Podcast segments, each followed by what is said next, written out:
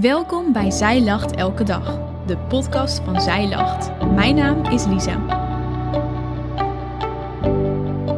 Dit is de overdenking van 16 augustus, geschreven door Mandy.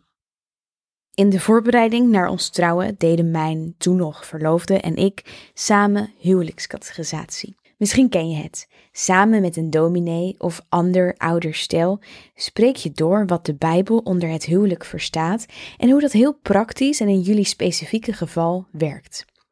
Je komt er bijna niet onderuit dat ook die ene tekst in Genesis 2 voorbij komt, over de vrouw als helper van de man. We lezen het in Genesis 2, vers 18.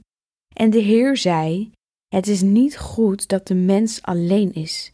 Ik zal iemand maken die bij hem past en die hem kan helpen. Deze tekst wordt op allerlei manieren gebruikt en misbruikt. En dan vooral die laatste woorden. In de MBV staat: God de Heer dacht: Het is niet goed dat de mens alleen is. Ik zal een helper voor hem maken die bij hem past. Vaak wordt hier, wanneer het uitkomt, iets van hulpje van gemaakt. De vrouw is het hulpje of sloofje van de man. Ook in de soms best grondige voorbereiding op ons huwelijk heb ik de betekenis van helper niet zo duidelijk zien staan als ik die laatst in een preek hoorde. Het Hebreeuwse woord voor helper dat in deze tekst gebruikt wordt is ezer, een woord dat ook op andere plekken in de Bijbel terugkomt, bijvoorbeeld in de Psalmen. In Psalm 184, vers 8 staat: De Heer helpt ons altijd de Heer die de hemel en de aarde heeft gemaakt. Of in Psalm 146, vers 5. Het is heerlijk als de God van Jacob je helper is, als je vertrouwt op je Heer God. Ik moet je eerlijk zeggen dat ik het moeilijk vind om hier helper met hulpje te vertalen.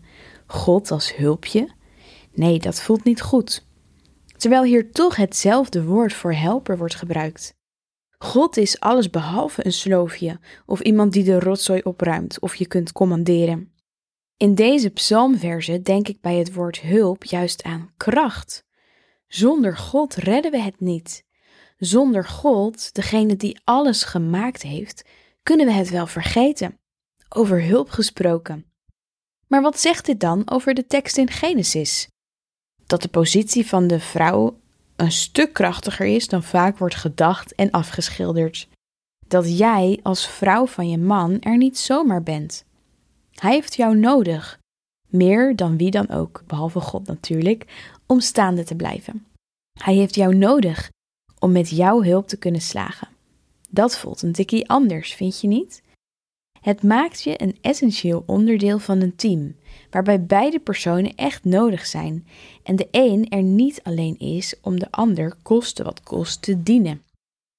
Neem die plek in en weet wie je bent en hoe God je bedoeld heeft. Misschien kun je zoals God voor het volk van Israël uitging, ook voor je man uitgaan om hem vooruit te helpen. Dan ben je bijna een helper met een hoofdletter H. Wat een ander perspectief. Jij kunt je man op waardevolle manieren steunen. Niet zodat hij dingen op je af kan schuiven, maar omdat jij sommige dingen gewoon veel beter kunt dan hij. Op die manier ben je geschapen en op die manier mag je tot zegen zijn, ook in je gezin. En weet je wat het mooie is? Jouw man kan weer andere dingen veel beter dan jij. Samen mogen jullie daarin elkaar tot aanvulling zijn.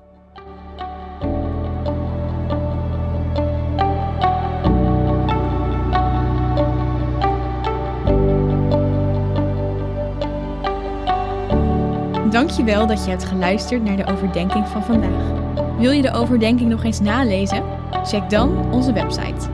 Je vindt daar ook nog meer toffe dingen die jou helpen om de Bijbel vaker te openen, zoals boeken, Bijbels, cursussen en evenementen.